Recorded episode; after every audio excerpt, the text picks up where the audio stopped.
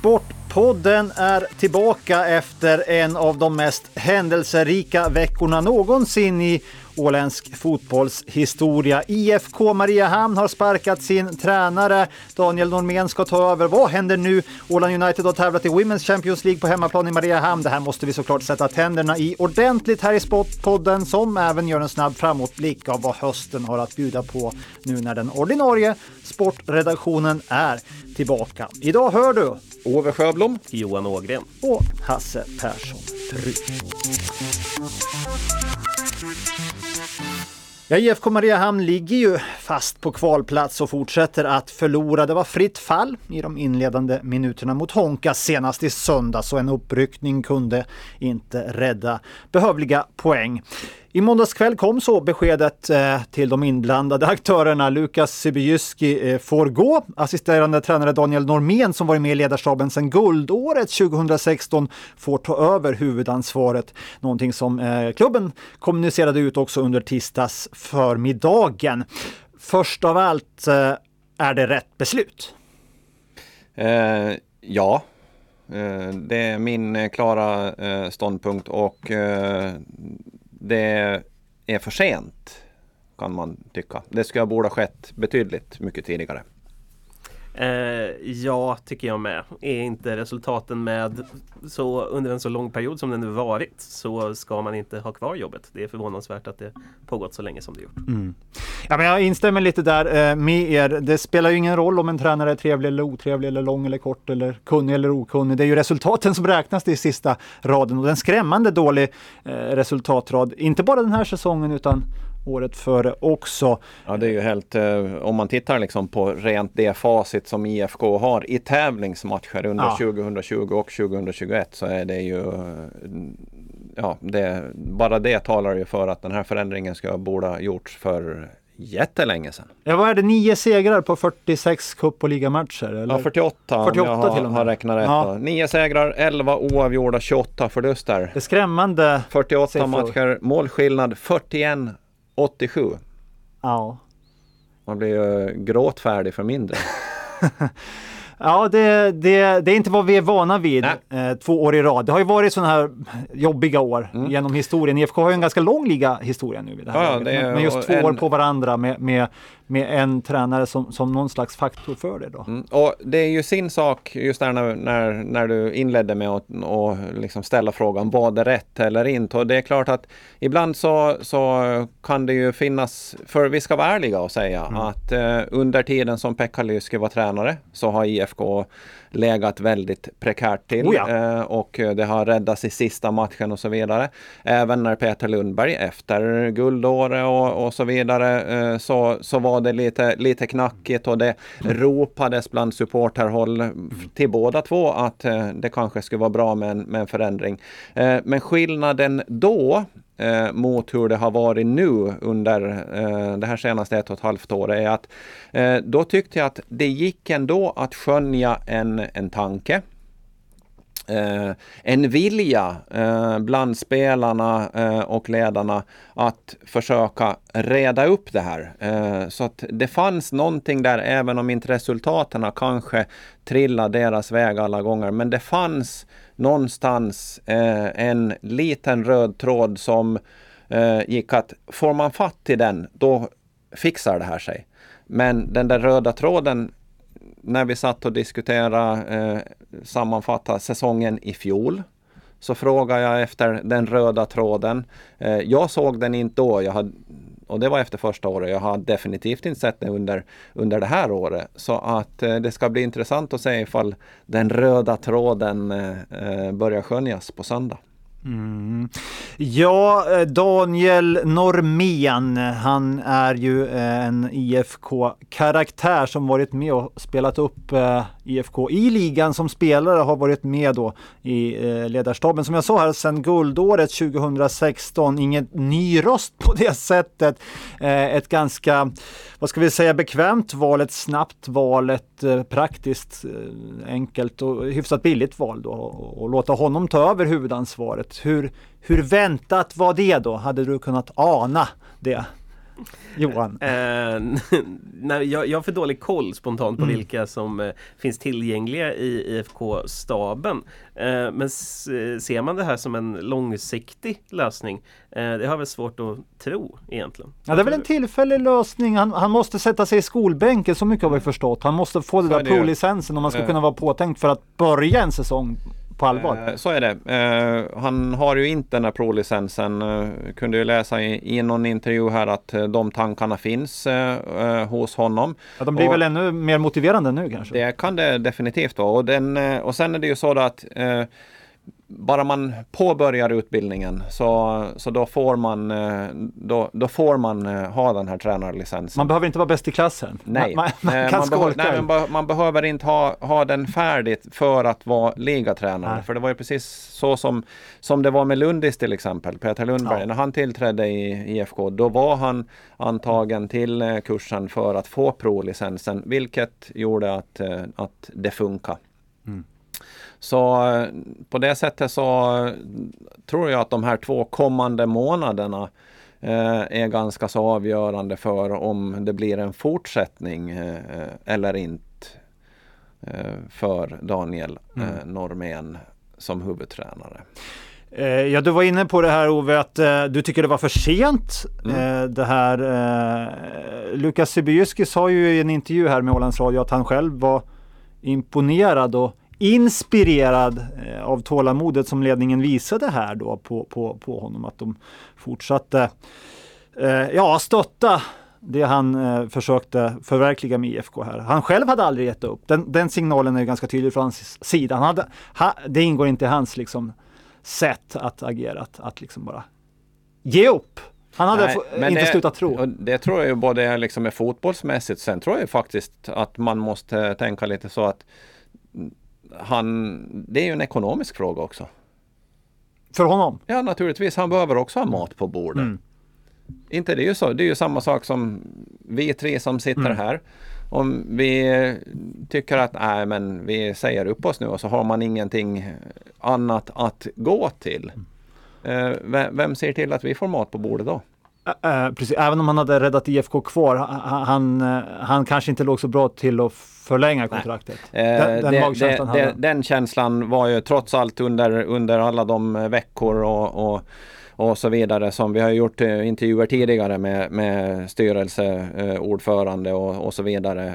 där att hur man än vänder och vrider på det, även om man ska fått vara kvar säsongen ut och eh, eventuellt klara kontraktet så tror jag ju att eh, de ska titta efter något, något annat alternativ eh, inför nästa säsong i vilket fall som helst. Men jag vill backa lite till eh, den frågan du hade Hasse om, om eh, eh, Daniel Normén var det självklara valet. Mm. Eh, det tror jag ju kanske på ett sätt att det var. När de släppte det så långt som det var nu då. Det fanns ju supportrar som hoppades på Jarkovic till exempel. Ilves-tränaren. Som fick gå, sparken ja. från, från Ilves. Var ju väldigt för- populär eh, tidigare Ilves, till exempel när de Ja. var här och vann cupfinalen. Absolut. eh, Men Men det kan där- svänga snabbt i den där branschen. Det kan svänga jättesnabbt. Där verkar det ju bara en liten parentes då. Det verkar ju ha skurit sig mellan, mellan honom och vissa spelare och det var en av, det är liksom vad ryktena går att en av orsakerna till att, att eh, eh, han fick eh, lämna då. Eh, Jo- Johan, du var ju sidlinjereporter där när det var cupfinal här och Jarko Viss var här och, och, och tog hem guldbiljetten eh, framför näsan på, på, på ålänningarna. Och, och Daniel Sjölunds återkomst, det blev, inga, det blev ingen titel Det det, året. Sura minnen. Men ljuva minnen från den här arenan för Jarko Viss kanske. Mm. Men, frågan är om man kommer tillbaka som IFK-tränare då? Eh, Det är, ju, det är ju en annan fråga. Men i det här läget så tror jag faktiskt att Daniel Normén är det enda rätta valet. För det hörde, man ju, det hörde jag när jag intervjuade honom igår. Eh, han har ju noterat en hel del eh, som han tycker att skulle ha borde ha gjorts på ett annat sätt. Eh, det var ju ganska klart för han var tydlig med att det blir förändringar i spelsystem. Eh, och det funderar man inte ut över en natt utan det här är någonting som har grott hos honom under en tid. Det här är, eh, och sen så blir det förändringar eh, i, i träningar. hur de tränar och upplägg. Och så sa han också så här, lite halvkryptiskt, lite praktiska saker som också kommer att förändras. Så han har, det här läser jag ut nu då mm. av det här och det är mina egna tolkningar. Men han har ju noterat att tidigare så har det under, eh, under Sybryskis ledning funnits detaljer som kanske inte alla spelare, men tillräckligt många spelare eh, någonstans har knorrat lite om. De har retat sig lite på det. Det är någonting som inte har varit liksom att det har varit ett väloljat maskineri. För annars går man inte och säger att ja, det finns vissa praktiska detaljer som vi också ska ändra på. Men så, har inte Lukas lyssnat på det här då? För han måste ju ändå pratat med Lukas om de här Ja men det tyckte jag, det var ju någon av, någon av tidningsintervjuerna eh, som jag tyckte att det var, det liksom framställdes sådär att ja, men det kanske har inte, de har visst har de diskuterat men det är Sibirski som, som, har, som har, har sista ordet och då kanske det inte har, har tagits in eh, intryck från alla. Det är ju intressant vilka påfrestningar man bara kan tänka sig att det blir inom ledarstaben då när, när Daniel börjar förädla sina tankar om hur, hur, hur, man borde kunna göra annorlunda, kanske inte får gehör för det, har, har en liten annan tro på vad som är rätt. Att, mm. att en assisterande ska ju ändå vara ett stöd för huvudtränaren. Men, ja, men i, något så. skede så lär de ju ha glidit ifrån varandra i, i, i sättet de vill arbeta där. Ja, och det här, nu ska vi påpeka då, det här är våra egna spekulationer. Jo, jo. För att det är ju ingenting som, i, båda två säger ju att det liksom samarbetar funkar bra och så vidare. Och så här. Men någonstans så finns det lite, lite mellan raderna och det eh, som det går att skönja i alla fall. Du, du fiskar ju redan igår efter eh, taktiska förändringar här. Mm. Eh, han var ju inte så frikostig med vad han sa här. Men om man läser alla intervjuer som åländsk media har gjort så får man ju fram i alla fall att, att, att det finns eh, funderingar kring hur man ska ändra på försvarsspelet kanske mindre duellsökande i alla situationer och ha, ha lite mer zonspel, ändra på formationer eventuellt mm. också. Mm. Eh, ser vi senaste matchen, det var 5-4-1 uppställning mot Honka.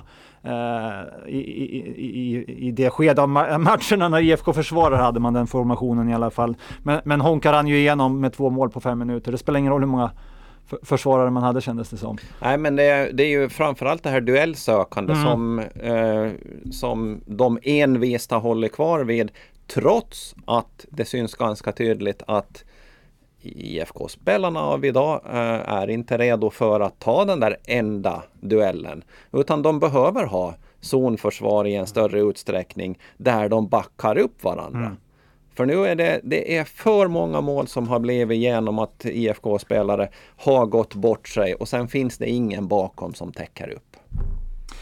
Ja, det är viktigt att man gör något nytt för det är ändå ingen ny röst. Den här rösten har spelarna eh, hört sedan då 2016 Absolut. i något sammanhang. Så att det, det eh, och, och tittar man vad som skrivs på sociala medier, det är inte så att supportrarna sådär, eh, tror att yes, nu grejar vi det. Det är ändå liksom lite sådär tudelat. Eh, jaha, det var ju just ett nytt namn, Daniel mm. Normén. Liksom. Det är ju inte, det är inte, det är inte så att man eh, är i mål bara för att man, man gör den här förändringen. Nej, det är man ju definitivt inte. Och det, är liksom det, det, det är ett eh, långt och ett hårt arbete mm. som, som, eller långt är det ju inte heller. Det är kanske till och med för kort. Ja. Eh, men det är ett hårt arbete som krävs för att eh, det här ska, ska rädas upp. Eh, och just det här behovet av förändring. Inte bara det att det, det är en ny huvudröst som pratar i omklädningsrummet och, och, och, på, på planen utan det, och det underströk Normén igår när jag pratade med honom också att det måste till förändring på, liksom, på flera olika plan. Eh, för att rösten i sig är ju egentligen inte ny. Hur orolig bör man vara för att ändra för mycket för fort? I det här läget mm. så eh, ser jag det som en förutsättning för att det ska bli en förändring så måste man ändra jättemycket och direkt. För annars kör man på i samma spår som de har gjort nu i ett och ett halvt år. För vi ska komma ihåg, i fjol hade de ju tio matcher på raken Ja, eh, innan sista matchen. Innan sista matchen ja. där, där de i sista matchen klarar kontraktet.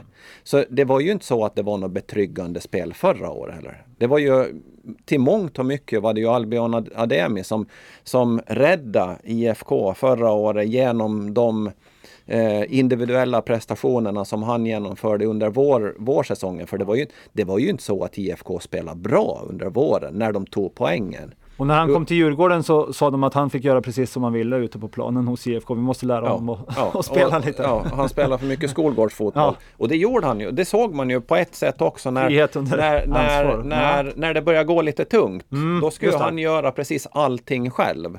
Då borrar han ner huvudet och så ska han avgöra allting själv och tog absolut ingen hjälp av sina lagkamrater. Och det var ju, Ett lagspel ändå? Ja, det var ju då som, som hans produktion slutade också. Och då inte fanns det några nycklar från tränarens sida att låsa upp den biten heller.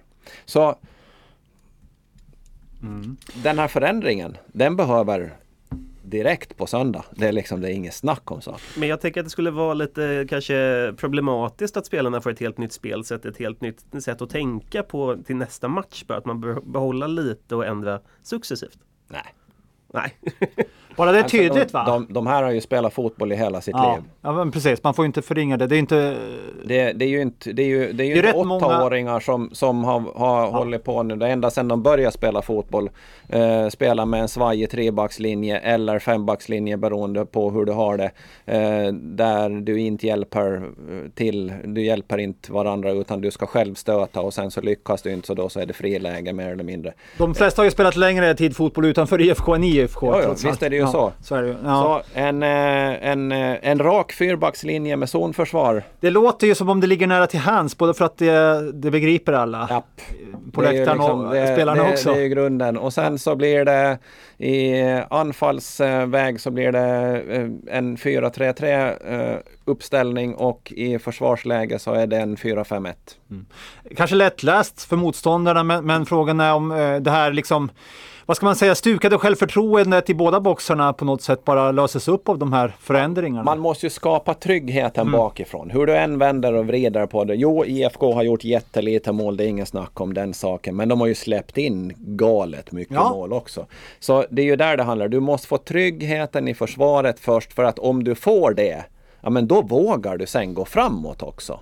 Det, kommer per automatik. Det är Ilves, sen är det Kups och sen kommer den där mardrömsmatchen 11 september mot Hacka som ju är, eh, ja, Just nu på säker mark, fyra poäng före IFK. Eh, det kan krympa till en poäng, det kan växa till sju poäng och plötsligt är IFK fast på en kvalplats. Om inte KTP mitt i allt vinner också, då är kanske IFK sist. Ja. Det, det, det, KTP ska ju komma ut ur karantän först, ja. för deras matcher blir flyttade hela tiden. Så det är ju, där har vi också ett stort riskmoment. För Att det inte blir någon slutserie? Japp.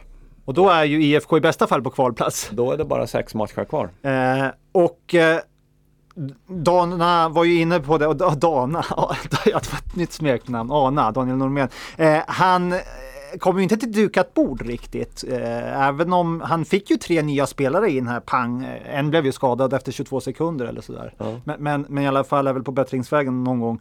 Eh, han har ju ändå lite valmöjligheter i och med att det, det, kom in några nya spelare. Jag vet inte hur mycket han själv fick vara med och påverka valet av just dem. Då. Men, men, men, han har ju lite att laborera med i alla fall. Men det är inget dukat bord, allt att vinna, allt att förlora. Hur, hur, hur ska vi se på det?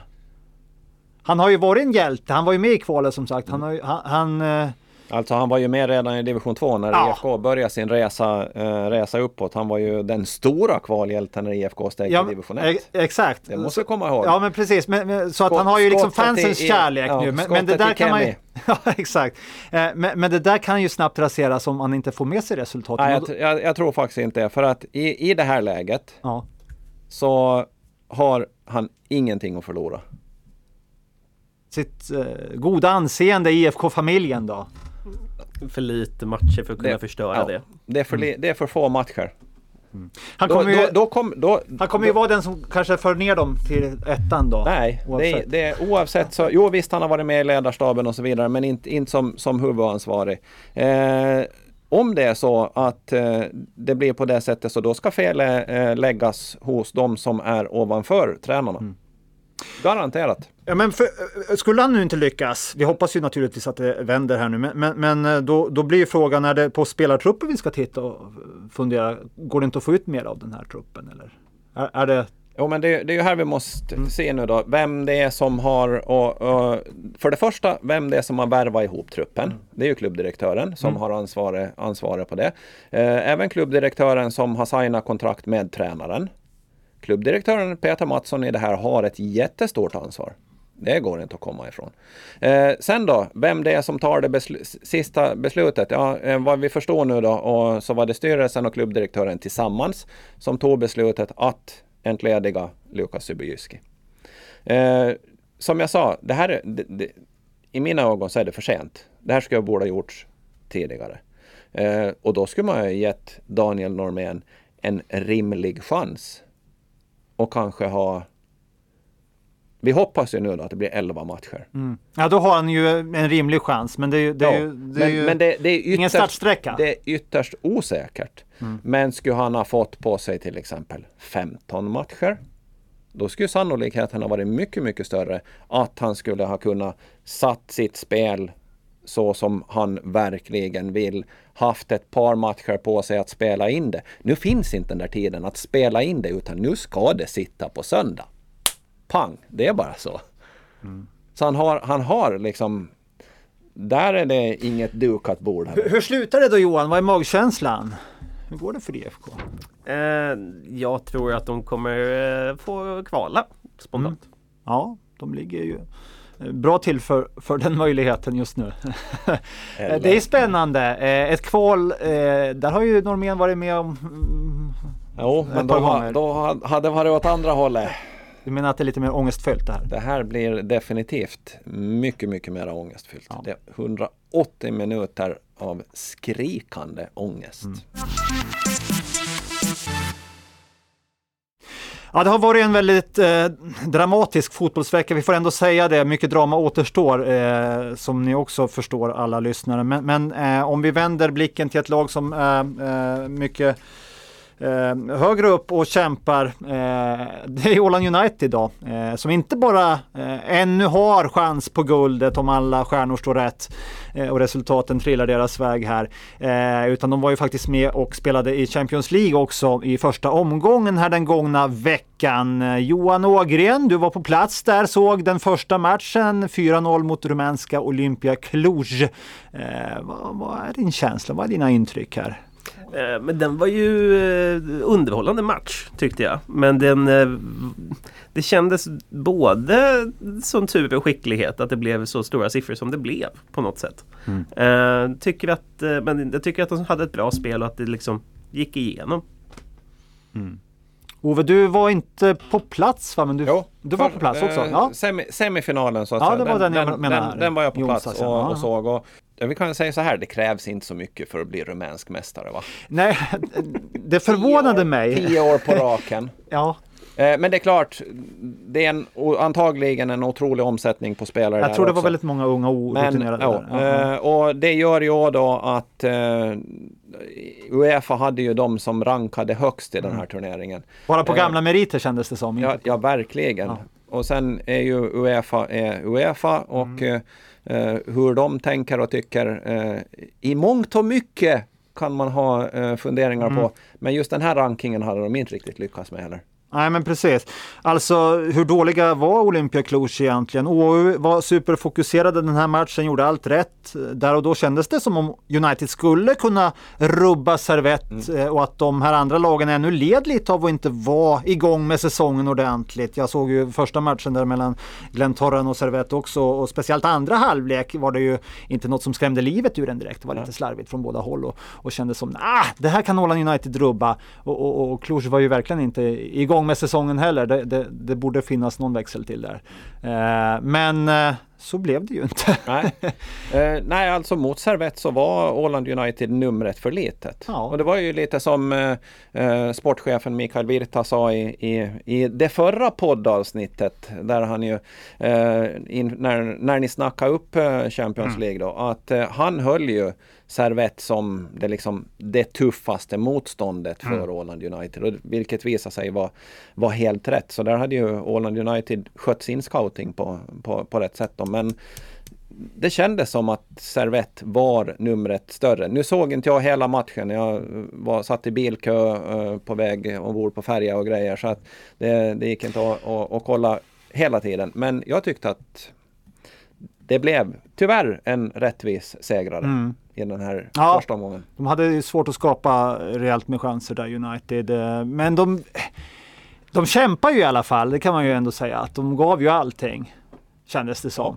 Eh, de, de, slapp ju liksom smita ut bakvägen och känna fan att vi inte tog chansen nu när vi hade den. Att, eh, lite som förra gången de var med i turneringen och åkte till Ja men och visst var det, det och var alls- ribbträff och grejer. Ja, ja, ja, liksom visst, där på, ja. så att Ja, då- det, och- det, är ju, det, är ju, det är ju någon centimeter lite, lite Mm. längre ner så då så är det kvitterat och skulle det blivit förlängning och straffar igen. Men Ja, då skulle ja, det kanske var en straffsituation i första halvlek rent Ja, utav. den, också, den var lite... Cassandra Koronen i- på språng på djupet där och smällde ihop med målvakten Mm. I en duell. Där, där frispark blev dömt för Ja, jag tyckte Servett. att målvakten eh, ändå hade, Hade fingrarna fingrar, på ja. bollen först. Det kan ju ha, ha med det att göra då. Haft en viss, vi- viss inverkan. Okej. Eh, Men de gick in i duellerna ändå. Fan Jo, absolut. alltså. Eh, Det, det var det, en bisarr situation. Det var det här märkliga tröjbytet. Jag vet inte om ni såg det. Sarah Ja, det missade jag eh, huvudskada där i början på andra halvlek. Eh, eh och, och, och Servett bytte ju sin spelare direkt för att eh, det, det, det tog illa. Eh, men nej då, Trocolli skulle de försöka lappa och laga så det tog ju minuter. De spelade ju 11 mot 10 hur länge som helst. Hon var där inne i omklädningsrummet och plåstrades om. Sen kom hon ut och skulle äntligen springa in på planen. Då hade de bytt tröja till nummer 19 istället för nummer 15 som är hennes ordinarie. Eh, och då, nej nej nej, sa domaren, det här går inte an. Du, du måste ju ha samma nummer.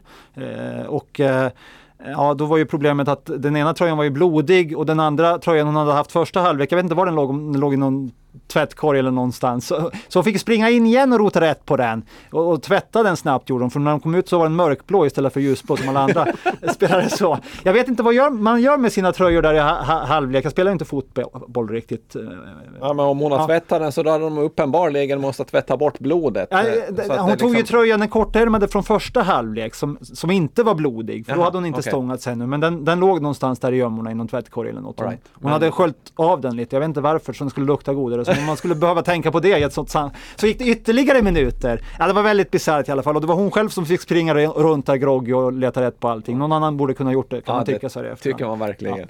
Eh, ja, det hände faktiskt i Åbo en gång, eh, just det där, ett tröjbyte. Eh, Jag blev helt förvirrad. Jag var ganska grön ännu i kommentering då, kommentera IFK Mariehamn mot Inter var det då. Eh, det var när Timmy Furuholm spelade Inter, hans förra session där då, mellan 2005 och 2011. Eh, han, han hade väl också bytt tröja där i halvtid. Eh, Och då hade han fel nummer på liksom. Och jag undrar, så, men, men, men tusan är det här? Det finns inte i mina, finns inte mina papper. Han har ju sådär eh, krullig frisyr som, som Furuholm, men det kan inte vara han. Och sen till slut så knackade en eh, kommentator, eller någon, någon annan journalistkollega där på fönstret och liksom gestikulerade och luktade under armbågen på det att han har nog bytt tröja bara liksom. Okej. Ja, så, så det gick igenom där för, igenom. för domarna där i, i Wakehouse-ligan, men det striktare i Uefa tydligen. Ja. Där. Och sen är det ju, det här är ju då eh, tio år sedan så att det liksom Ja. då kanske man såg lite mera mellan fingrarna. Ja, nu ska man ha rätt nuffra på ryggen. Japp. Eh, ja, strikt är det ju i Uefa. Det var ju bizarra mediasituationer också, omöjligt att göra bra radio. Eh, ni behöver inte vara avundsjuka på att jag fick bevaka det här. Det, det var alltså, eh, vi journalister fick vara i ett mediatält eh, på, på, på stolar på behörigt avstånd, tre meter ungefär från ett bord där vi fick ställa våra mikrofoner. Ytterligare tre meter bort, där satt de längs ett långbord som var desinficerat så här från alla bakterier och virus som finns. Där satt spelarna liksom och fick skrika eller det gör de ju inte, men de pratade och så fick man höja upp ljudet och det lät ju hemskt. Så att det, det, var ju, det var ju inte så att man hade närkontakt direkt. Det, Nej. det, var, det var speciellt att bevaka. Ja, verkligen. Det, och det kunde man ju förstå, eller man märkte ju av lite på förberedelserna med allt vad som skulle vara eh, Mm. här runt omkring. Eh, däremot sen då, så hur det var på läktaren. Eh, Ja, vad det ju- tyckte ni om stämningen där? Jo, det var ju bra. Men jag blev förvånad över att där var det liksom, det var stenhårt, sitta Mm. jättelångt ifrån varandra och så vidare. Eh, men på läktaren så packade de ihop människor. Eh, Ja, sådär. Eh, och eh, ja precis. fast det fanns sektioner som var helt tomma. Så att man ska kunna haft lite mera luftigt mellan publiken. Mm. Ja, Är det precis. någonting som är en rekommendation? Uefa bryr sig inte om publiken, bara om spelarna. Skydda spelarna. Eh, så kan det vara. Eller? Mm, och ja, om man tänker på hur det såg ut i EM så inte var det väl så noga med publiken. Nej, det var... Det är klart, men i, Un- i Ungern har de ju ingen covid-19. så att liksom. Är det så? Alltså? Ja, Orban har ju bestämt Ja, att det inte finns. Tillsammans med Nordkorea. Ja, där Ja. har de inte heller. Minsk. Ja, och i Vitryssland. Eh, Belarus heter det. Belarus, förlåt. Eh, nu är det så här att eh, det är Servette som får resa vidare i Champions League. Turen går till Skottland och Glasgow City i andra omgången. Ett lag som ju har ett par OU-bekantingar Ode Fulutidulu försvann ju dit. Ja. När OU inte hade råd att ha kvar henne. Hailey Lauder finns där också, skotskan som var här 2012 och har hunnit med över 100 landskamper faktiskt för Skottland vid det här laget. Eh, ja, vad är väl en resa till Skottland, Johan? När vi kan vara kvar här på Åland. Hur surt är det för OU att inte få fortsätta? Men det är ju givetvis supersurt att inte kunna ta sig vidare till nästa steg. Det hade ju inneburit eh, en eh, ansenlig summa pengar också det eh, som hade varit viktigt att ha till framtida säsonger. Och sen så är ju hela äventyret mm. få förunnat att uppleva på rikt, alltså när man får göra det så stort. Man kan ju få torsk med 9-0. Här var man ju ändå nära liksom. Man hade kunnat. Här var det ju jättenära att komma ett, eh, ett steg till eller till omgång två då. Och, visst, Glasgow City eh, men det låter ju inte sådär jätteskrämmande heller. Så att, eh... På ett sätt svider det ju mer när det är så nära också. Mm. När man, ja. 100 000 euro rätt in på ett schweiziskt bankkonto istället. Uefa har ju sitt säte där i Schweiz också. Det luktar mygel lång väg. De, de, de, behöver, de behöver, det är bara att gå tvärs över gatan antagligen ja. och hämta ett litet kuvert. Mm. Men jag blev lite och fundera på det där att det har varit mycket snack från klubben här eh, om att det, det ja, det är matchen och prestationen i fokus, inte pengarna och sådär. Men, men, och, och, får vi väl de här pengarna då kommer det ju gå, gå till resa fram och tillbaka också. Men, men, men nog hade man kunnat hitta billigare biljetter till Skottland eller? En, en, en för 100 000 ja. Ska man åka limousin kanske? Som, som, som Resh gjorde till sista biten till, till, till, till Warszawa-matchen. Ja, men det är klart att det ska vara ett enormt tillskott för vad, vad har Åland United i de, de här senaste åren hade väl haft en omsättning på runt 300 000 va? Mm. En budget på där mm. runt omkring. Så skulle man ha fått in eh, de där pengarna, visst det ska ha gått pengar eh, för att de ska ha farit till, till Glasgow och, och, och spela matchen men det skulle ju ha blivit en rejäl bit över. Ni bidrog ju till att eh, ja, få upp publiksiffran lite där då, eh, Johan. Onsdagens siffra 573 på plats eh, blev dryga 850 sen på lördagen när United spelade final. En bra bit ifrån eh, publikrekordet här från 2014 när det gällde guldmatch mot PK35, 1593 i publiken den gången. 18 oktober 2014. Eh, ja, det var inte ens nära något publikrekord här ändå. Var det Champions League och grejer. Vad, vad, vad, vad tänker ni? Varför var det inte mer folk där? Vad beror det på?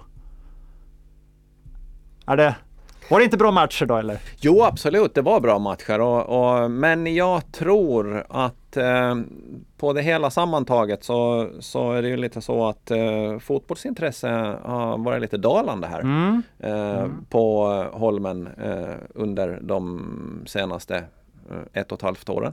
Eh, och vad det beror på det kan man fundera på. Mm. Jag har eh, inget rakt svar. Och, och, och, det här dalande, det menar du har inlett före corona? Det är inte att man är lite rädd för att sitta ja, och trängas? Alltså det har ju säkerligen bidragit till att eh, människor har blivit lite dels försiktiga, dels så har man vant sig med att ja, men vi ser matcherna hemma istället eftersom det ju finns möjlighet att se mm både hemma och bortamatcher eh, på en skärm istället. Mm. Eh, och det fanns ju möjligheter nu under, under Champions League också. Så att eh, det hade säkert eh, um, farit eh, människor som tänker att äh, varför ska jag betala dyra pengar för att gå och sitta på läktaren och frysa? Eh, jag kan lika bra se det hemma. Mm. Så det har nog bidragit lite. Ja, så är det nästa gång Johan. Då går de hela vägen, eller vad tror du? uh, I kuppen tänker vi? Ja, ja det, men jag tror absolut att de uh, är där och nafsar på er. Ja.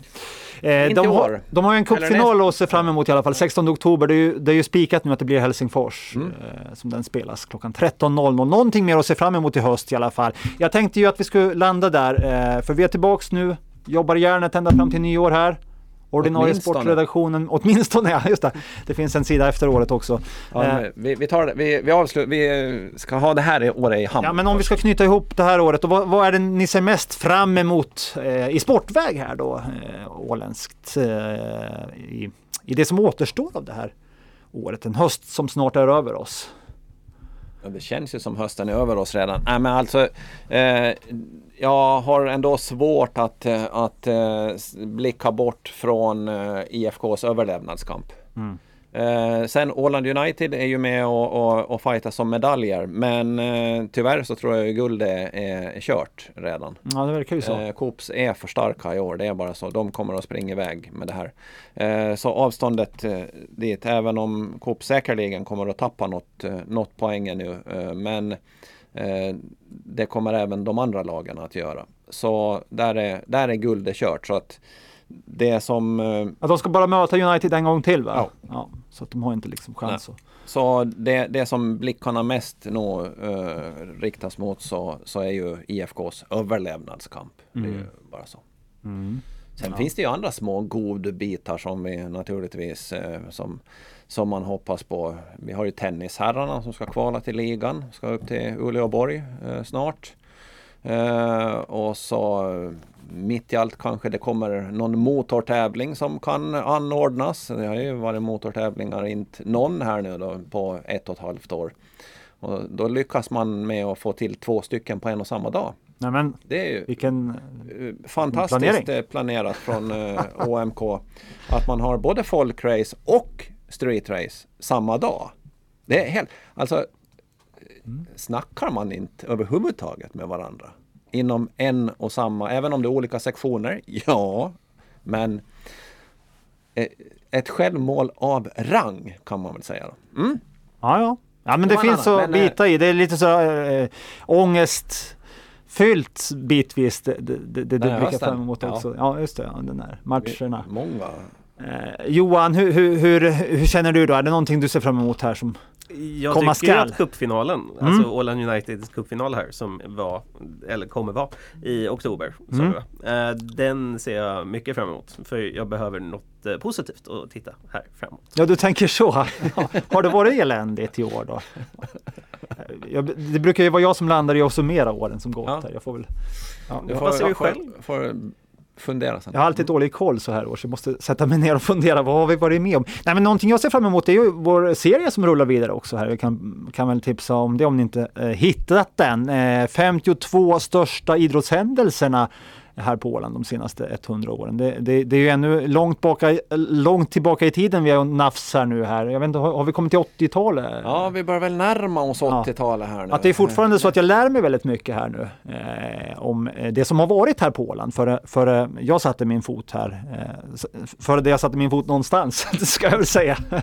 eh, eh, för min tid. Eh, så, så det är väldigt intressant och sen blir det också intressant att att komma, komma till den, ja, de, de historier som man lite själv varit med och Mm. känner till och höra, höra det på nytt på något sätt här nu. Då. Nej, en häftig lista. Vi, vi, vi ska väl komma i mål vid juni någonting där. Någonting om ett där, år, så eh, ja. den kommer rulla vidare. Vi ska ju påpeka då att eh, det här, vi tar det ju i kronologisk ordning Ja. om vi säger så. Då, så att eh, vi har ju inte rangordnat den ena eh, händelsen eh, större eller mindre än, än den andra. Men, eh, Men där i- vet vi hur det går i alla fall, Ja. så vi slipper ha ångest och vara nervösa Ja, för utgången. Det, det är skönt på något sätt.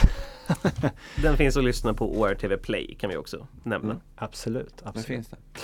Hörrni, tack för att ni eh, ställde upp och eh, eh, delade med er av era tankar och funderingar efter denna eh, märkliga fotbollsvecka här på Åland. Sportpodden är tillbaka igen om två veckor. Du har hört Hasse Persson Bru. Ove Sjöblom. Och Johan Ågren.